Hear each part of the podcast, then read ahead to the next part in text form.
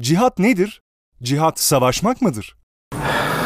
Cihat İslam kültüründe doğru anlaşılırsa çok doğru sonuçlar verebilecek bir kavram olmasına rağmen maalesef yanlış anlaşıldığı, yanlış yorumlandığı için de aslında muhteşem bir içeriğe sahip kılınan bir kavramın e, belli bir anlayışa sıkıştırıldığı örneklerden bir tanesidir cihat.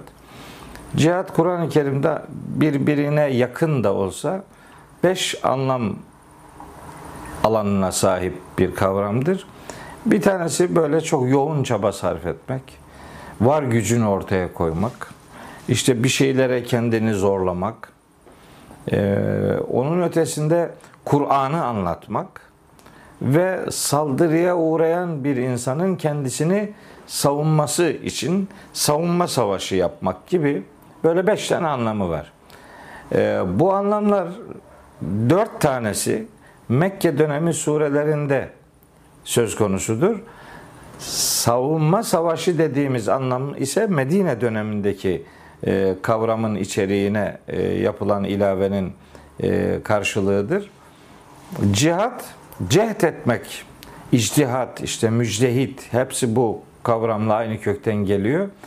Kur'an'la alakalı, çalışmayla alakalı, fedakarlıkla alakalı ve belki en önemlisi insan kazanmayla alakalı bir tavrın adıdır. Yani e, cihatta hedef adam eksiltmek değildir. Cihatta hedef bir kişiyi daha olsun kazanabilmektir.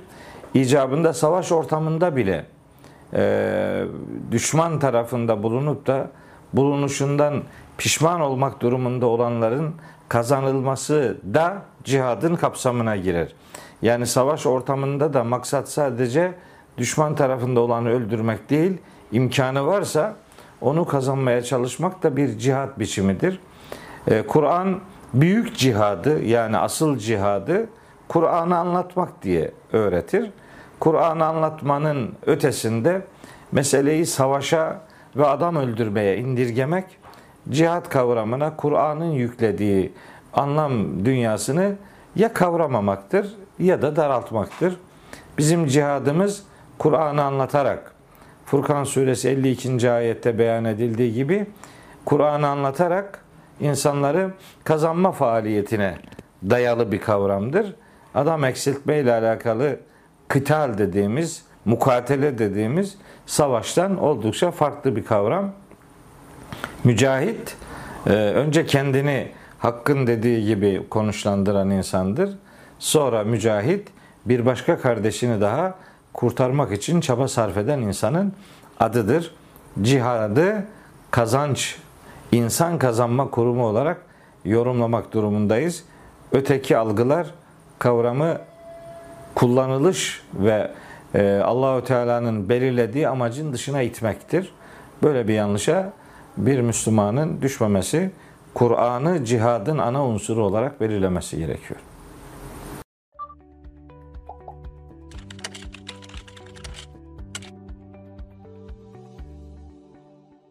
Merak ettiğiniz dini soruları yorumlar bölümüne yazın, uzmanlarına soralım.